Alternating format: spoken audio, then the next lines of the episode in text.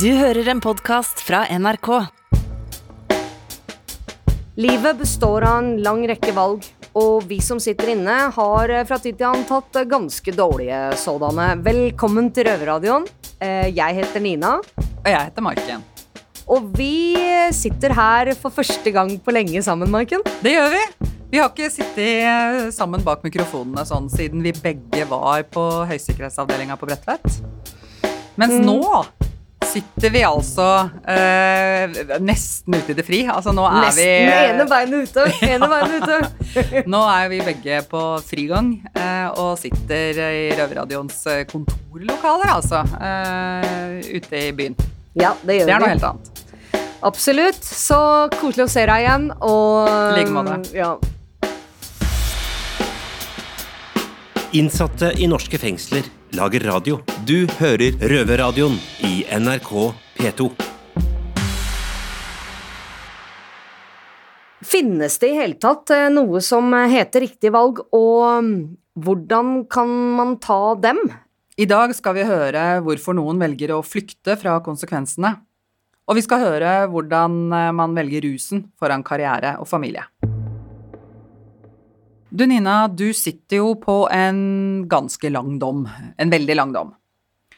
Åssen var det med deg når du fikk den dommen? Tenkte du på å rømme? Eh, altså Jeg blei jo frikjent, da, vet du, i tingsretten, så, så jeg blei løslatt etter å ha sittet i varetekt en god stund da, og så mm, skulle det jo være hovrettsforhandlinger eh, en stund etterpå, og i den perioden der sånn, så, så må jeg ærlig innrømme at jeg tenkte jo litt på at jeg ikke hadde veldig lyst til å dra tilbake til hovedretten, men samtidig så hadde jeg jo eh, Var jeg rimelig sikker på at det skulle gå bra, da. Ja. Så, så jeg ville jo ikke utebli og på den måten virke skyldig heller, liksom. Så, men det er jo alltid angst forbundet med det og sånn.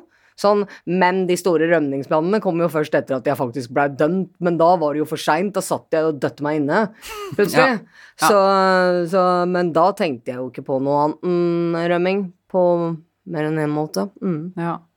Hvor, lenge, hvor lenge satt den tanken i? Eh, Noen år, kanskje. ja. Kanskje første par-tre åra. Hva var det som gjorde at du slutta å tenke på rømming? Egentlig? Nei, men altså, jeg tenkte jo veldig mye, mye på selvmord også i Ja. de åra der, sånn at tanken på å rømme eller eh, rømme hele livet var, eh, gikk hånd i hånd, og så Det var på en måte to, tim to Ja, sider av samme sak. Det var det å, å komme vekk fra fengselstilværelsen som var eh, Ja. som var eh, den hovedtanken, ja.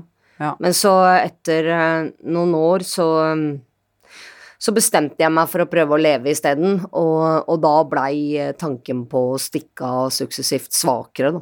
Men eh, nå skal vi sette over til vår eh, nyeste røver eh, på Bredtvet eh, kvinnefengsel. Eh, for i motsetning til, til meg, og mange med meg, så, så valgte hun å rømme fra dommen sin. Jeg er opprinnelig fra Kosovo og flyttet til Norge i 1990. I 2001 brøt jeg og mannen min narkotikalovgivningen, men dette er ikke historien om lovbruddet. Det skal jeg fortelle en annen gang. Dette er historien om den vanskelige situasjonen eh, vi havnet i etter lovbruddet.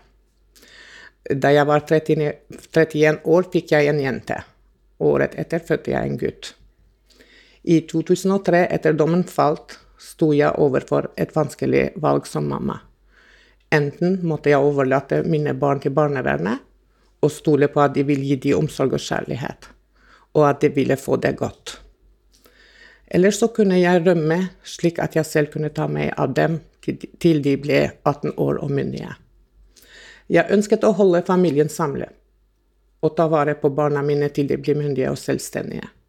Jeg kunne ikke overlate de til staten. Derfor dro jeg og mannen min med våre barn tilbake til Kosovo.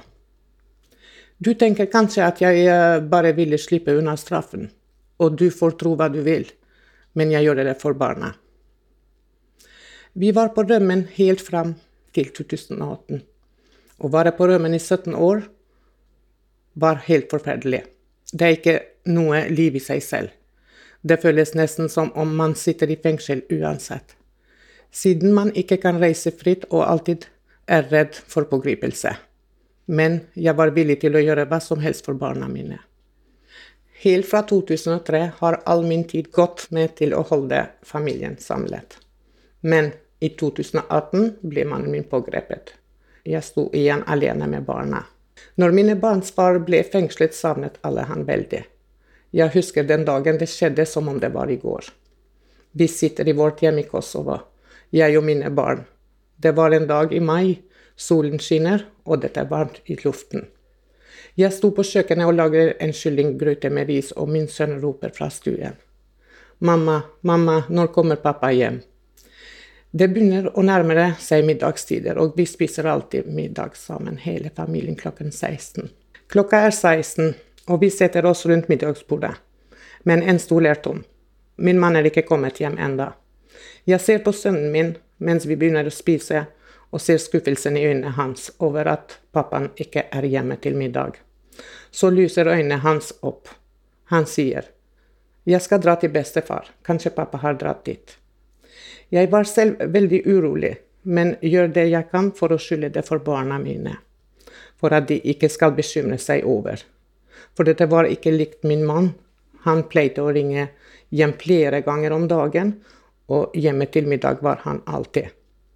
Mens jeg satt med mine urolige tanker, tanker ringte telefonen, og det var en venn av min mann. Han kunne fortelle at min mann hadde blitt pågrepet på grensen ved Albania og utlevert til norsk politi. Han hadde telefonen hans og ønsket å levere den hos meg. Vi dro ofte til Albania i helgene, oftest for å besøke strendene, men av en eller annen grunn så ble han pågrepet denne gangen. Sønnen min var fortsatt hos bestefar og ringte hjem med jevne mellomrom for å høre om pappa var kommet hjem. Jeg klarte ikke å fortelle han sannheten. Jeg ønsket at han skulle få sove godt bare en natt til. Når jeg mottok mannen min sin telefon, sendte jeg sønnen min en melding og utga meg for å være pappaen hans. Jeg skrev. Hei, Jon.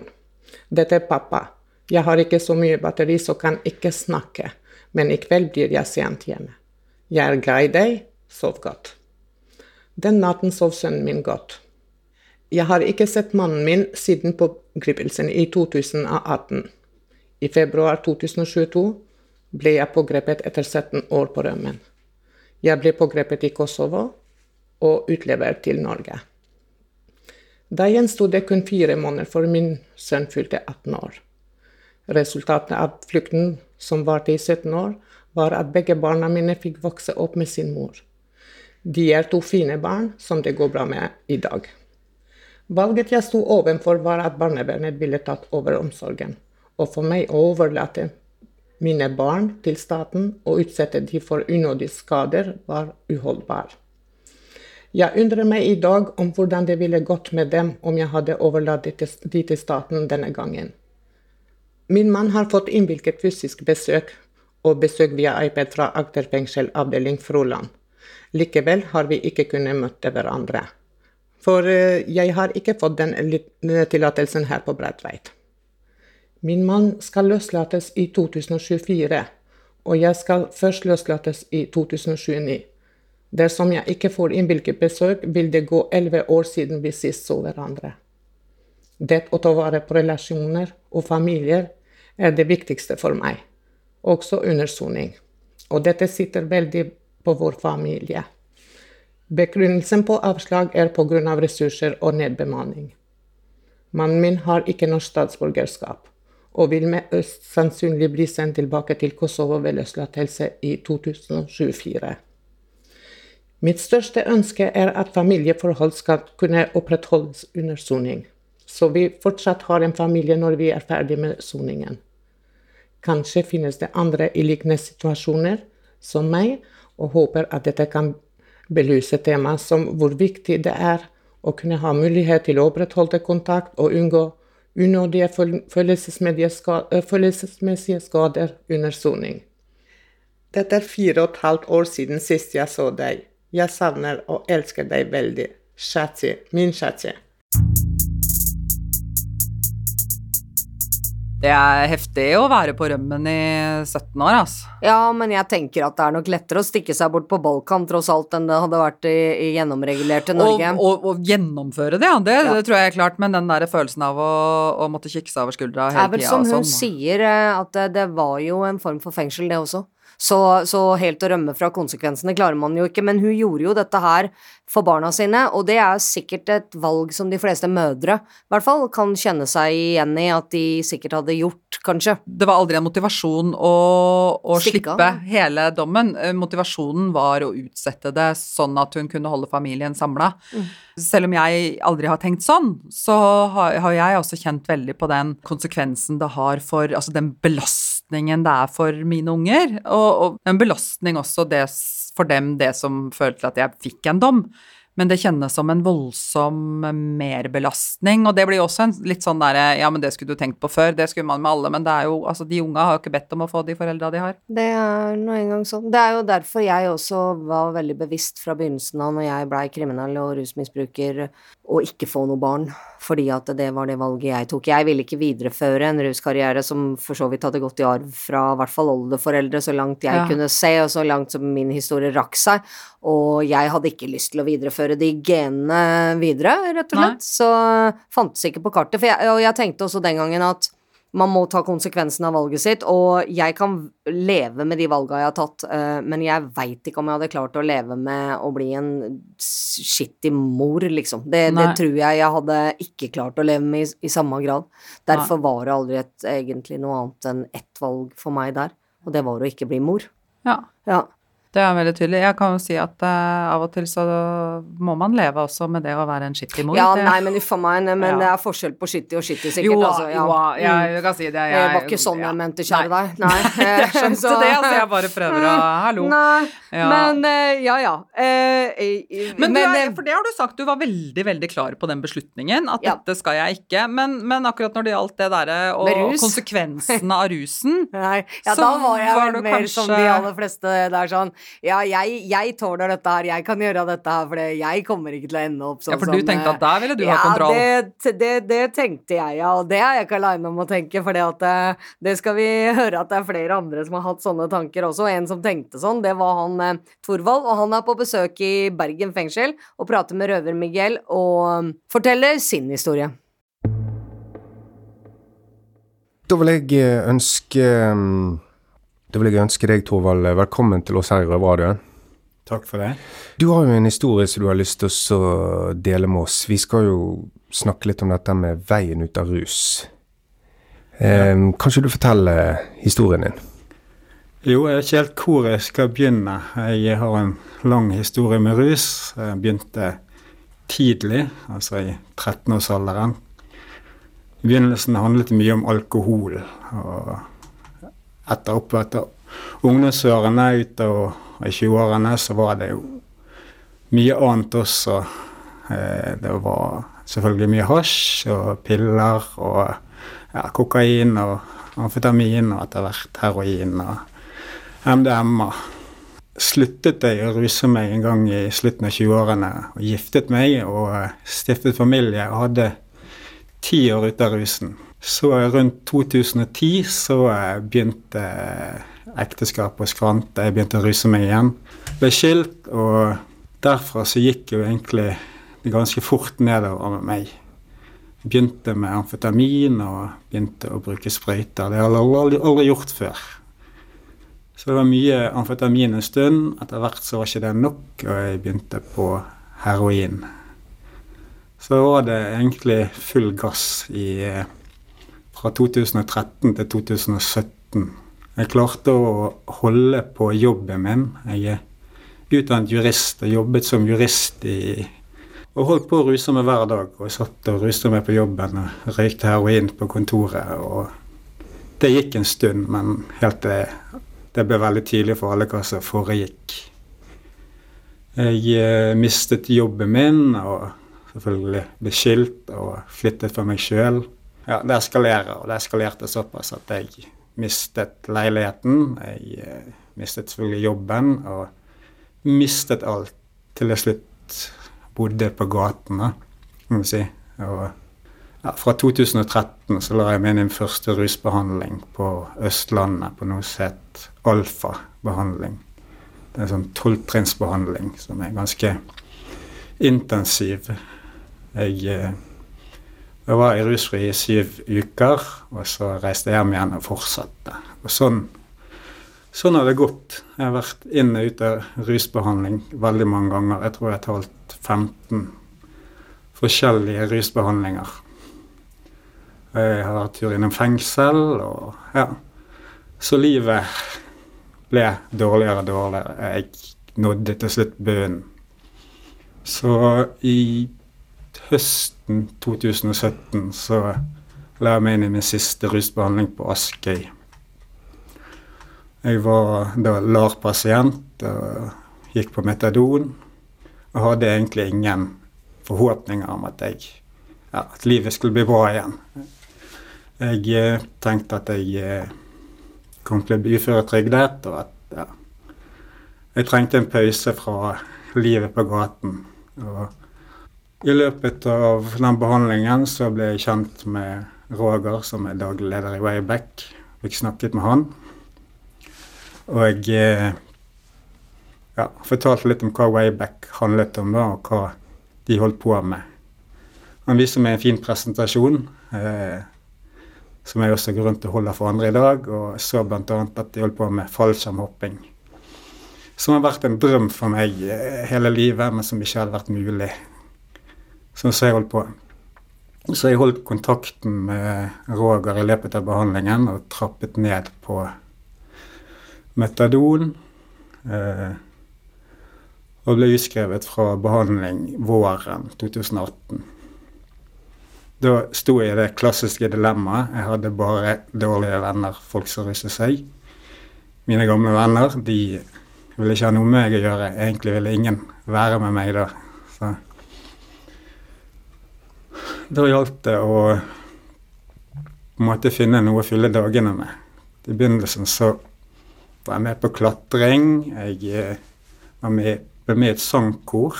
Eh, veldig kjekt. Det har jeg aldri sunget før, men det var et fellesskap der folk var rusfrie. Så skjønte jeg det at eh, ja, det er mitt ansvar, og jeg må ta ansvar for dette sjøl. For at jeg har vært så hele tiden pekt på andre. Det er alle andre sin feil at jeg måtte ruse meg. Det var, eh, rusbehandlingen virket ikke. Var, jeg var ganske bitter på veldig mange. Jeg eh, fant ut at ok, det er kun meg som kan gjøre noe med dette. Så jeg trappet av. Jeg var, var ferdig avstraffet på LAR våren 2018 og begynte å jobbe for Wayback eh, en gang på høsten. Så måtte veien ut av rusen har handlet om å finne fellesskap da, med andre som er rusfrie. Så, så jeg har gått veldig mye på de møtene og truffet andre som er i samme situasjon. Samtidig så har jeg jobbet i Wayback og har hjulpet andre som også er rusavhengige. Og gjennom å hjelpe andre så har jeg også hjulpet meg sjøl.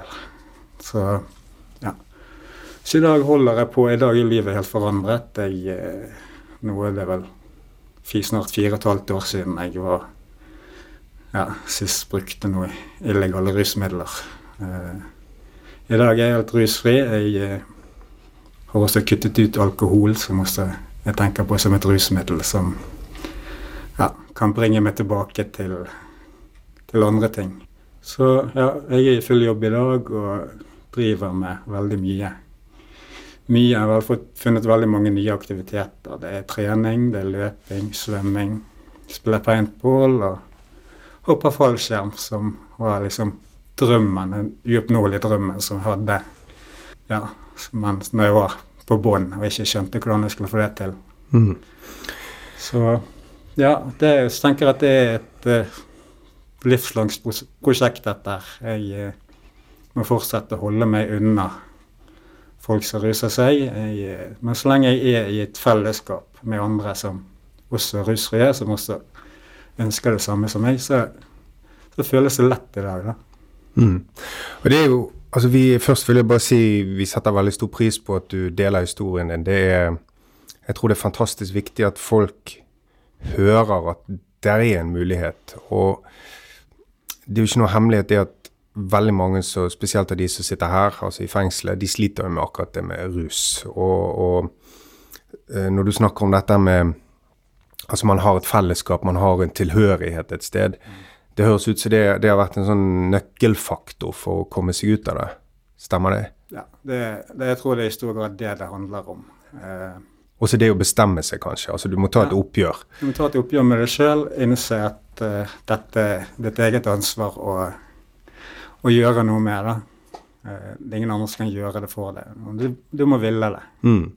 Og, det, og, det, og jeg syns det er en annen ting som er interessant, som du sier. altså Du kommer jo fra Du har en veldig god utdannelse. Du har hatt en god jobb, du har etablert det med familie og hatt, altså gjort alle de tingene som kanskje forventes at de fleste av oss skal gjøre. Eh, men, men det der med rus og den problematikken her, det eksisterer jo i altså hele samfunnslaget. Det er ikke bare én spesifikk gruppe som sliter med rus.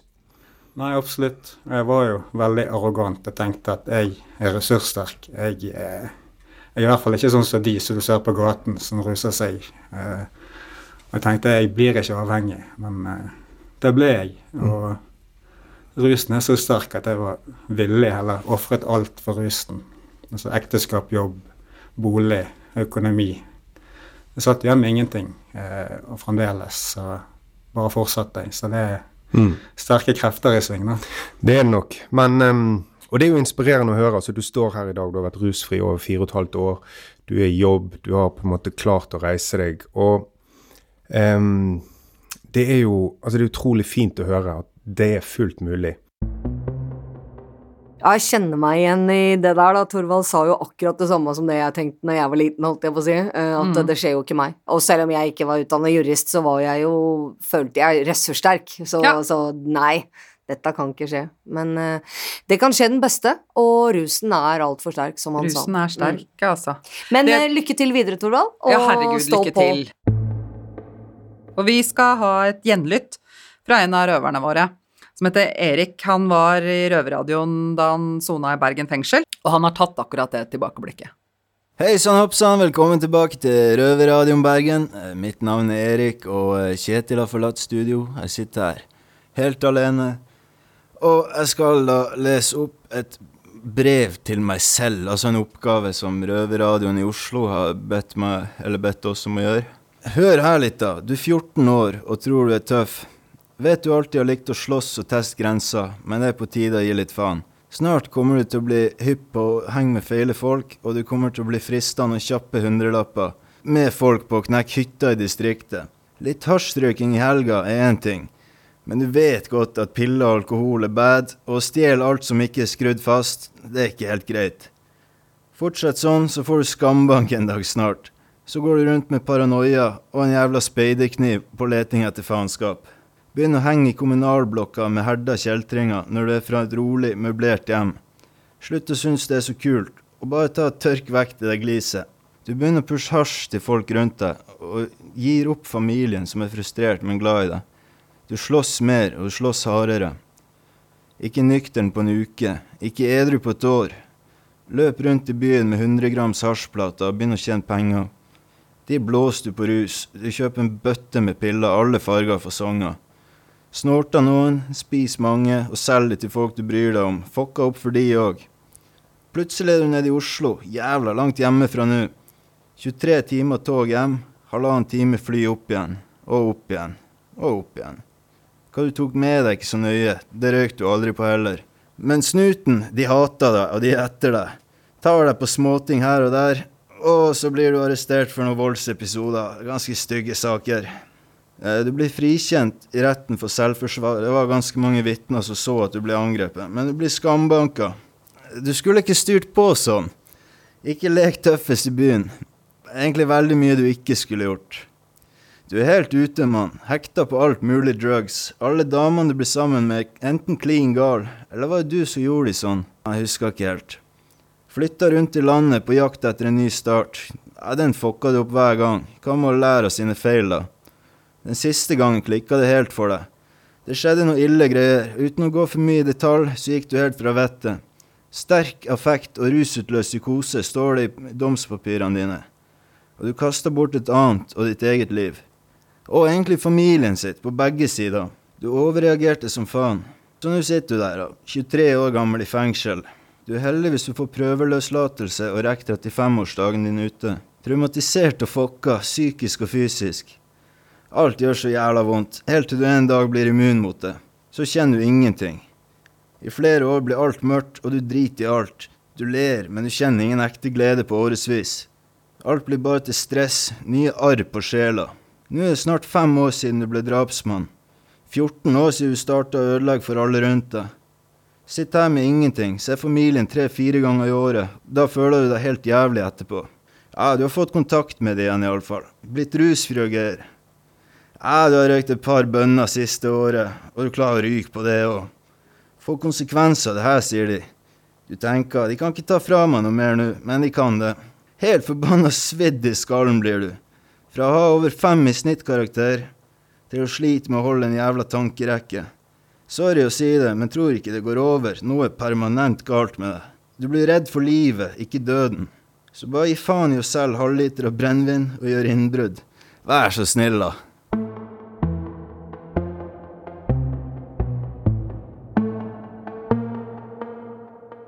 Det var nok en sterk historie. Og nå så jeg på deg, Nina, at du blei mer bevega enn det jeg pleier å se deg når vi sitter sånn og tar opp. Jeg syns, eh, jeg syns han fortalte historien sin så veldig ærlig og rått og usminka at eh, det gikk rett inn i hjerterota på meg. Det gjorde det. Christian eh, har vi jo hørt fra før. Han har sittet inne i til sammen ca. 12 år. Mm. Første gangen var han ca. 19, og i dag er han i midten av 40-åra og helt til slutten av en dom. Og han har tenkt litt på åssen man kan takle det å komme i fengsel, eh, og det vil han dele med deg. Du driter deg ut, og du blir fengsla. Det er nå huekjøret begynner. Kjipe tanker, du angrer helt sikkert og skulle ønske du kunne spurt tida tilbake. Men sorry, det går ikke. Du har fått en dom, det er dessverre noe du må forsone deg med for at soninga di skal bli lettere. Med det mener jeg at du skal ikke bruke tid og energi på å syte og klage og så synd på deg selv. Det hjelper deg absolutt ingenting. Finn heller roen og innfinn deg med at her skal jeg bli en stund, og fokuser heller på hvordan soning du vil ha. Det er nå du skal huske at du har flere valg. Det er fullt mulig å prøve å ruse seg gjennom soninga, for tilgangen vil alltid være der. Men rus kan virke bra der og da, men blir du tatt som de fleste blir, vil det gjøre soningen din veldig komplisert. Valget er ditt. Betjenter kan være roten til mye frustrasjon.